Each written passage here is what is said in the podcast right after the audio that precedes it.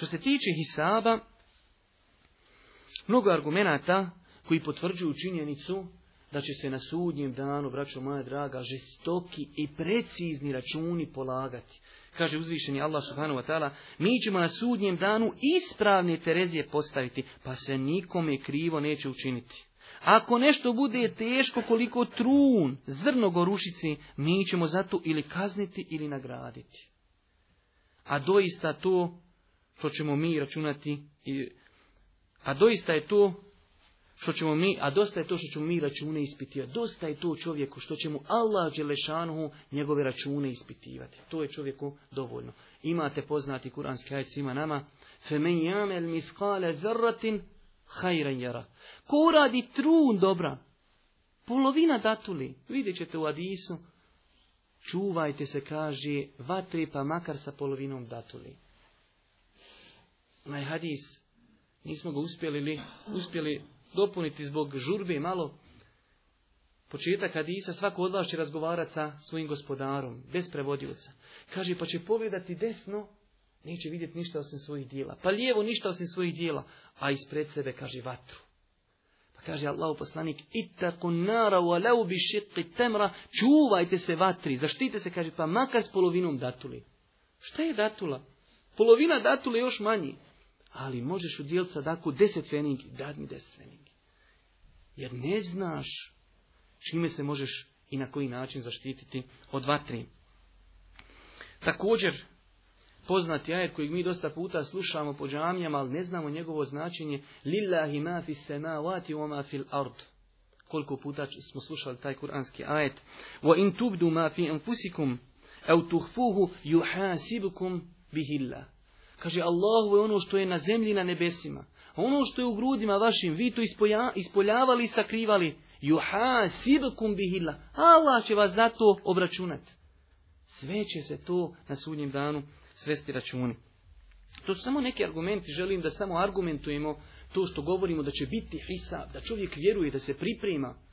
Kaže se tamo također u mnogim hadisima se spominje hisab, polaganje računa. U jednom od tih hadisa koji zabilježi ima muslim, stoji kaže Allah poslanik, polagao je račun jedan čovjek koji živio prije vas. Pa kaže, nije nađeno da je uradio bilo kakvo djelo dobro, osim što je, kaže, bio imućan, ali se miješao sa ljudima. Pa kaže, davao je ljudima uzajam. Pa kada bi, kaže, došao neko, znači, ko ne može vratiti dug od tih njegovih upošljenih, pa bi kazao ne mogu vratiti dug, on bi rekao kaže te džavaj zu anhu, zaobiđite ga, halalte mu. Kaže Allah Đelšanu će na sudnjem danu reći zaobiđite ga, halalte mu. kaže mi smo danas preći da mu halalimo, preći smo mi da njemu halalimo nego što je on halalivo ljudima na Dunjalku. Ali pogledajte početka Hadisa, husibe, polagao je račun čovjek koji je bio prije vas. Znači ovaj Hadis nam je jedan dokaz da će se polagati računi i mi i ljudi iz prijašnjih naroda. Također, jedan interesantan hadis koji zabilježio imam Ahmed, čiju vjerodostojnost je potvrdio šeha Albani, rahmetullahi alihi, kaže Allahu poslanik, dvije stvari prezire i sin Ademov. Dvije stvari prezire sin Ademov. Smrt. A kaže Allahu poslanik, smrt je nekad bolja od iskušenja. I druga stvar, kaže, sin Ademov prezire sakar, siromaštvo kaže siromašći, lakše položiti račun na sudnjem danu.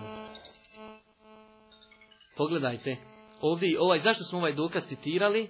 Kaže, siromasi će lakše položiti račun na sudnjem danu. Znači, bit će polaganja računa. A pogledajte, mudrosti i lodke poslanika. Kaže, dvije stvari ne voli sin Ademov. Prva, smrt. A kaže, nikad je bolje i umrijeti nego da budeš iskušan pa padneš na iskušenjima. I druga stvar, siromaštvo. Ali kaže, siromaštvo je nekad bolje jer će ti biti lakše položiti račun na sudnjem danu. Također, interesantno je spomenuti, treba čovjek da vjeruje u to i da zna da na sudnjem danu, kada bude taj fisa, polaganje računa, da će to biti, braćo moja draga, i sa svjedocima. Mi smo jednu vrstu svjedoka spominjali kada smo govorili o suri Jasin, a to je da će protiv ljudi njih svjedočiti njihovi ekstremiteti njihove, ruke, njihove noge, njihove oči, njihove uši. Kaže Allah Želešanu u suri Asim, baš govori o tome. Tog dana ćemo zapečatiti njihova usta. Pa će govoriti njihove oči, njihove uši, njihove noge, njihove ruke, njihove kože.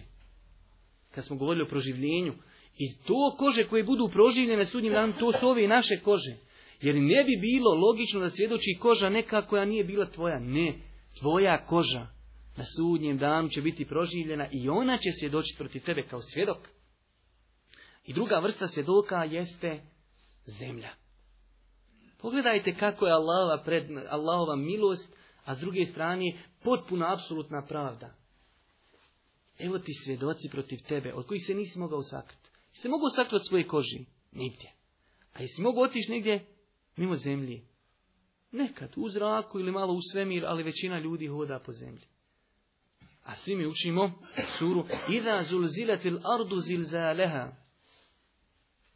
Kada se zemlja svojim najjačim potresom zatrese, i kada izbaci teret svoj i čovjek uzvikni šta ju je. Toga dana će ona vijesti svoje kazivati. Šta su njezne vijesti? Mislite dnevnik, onaj u pola osam.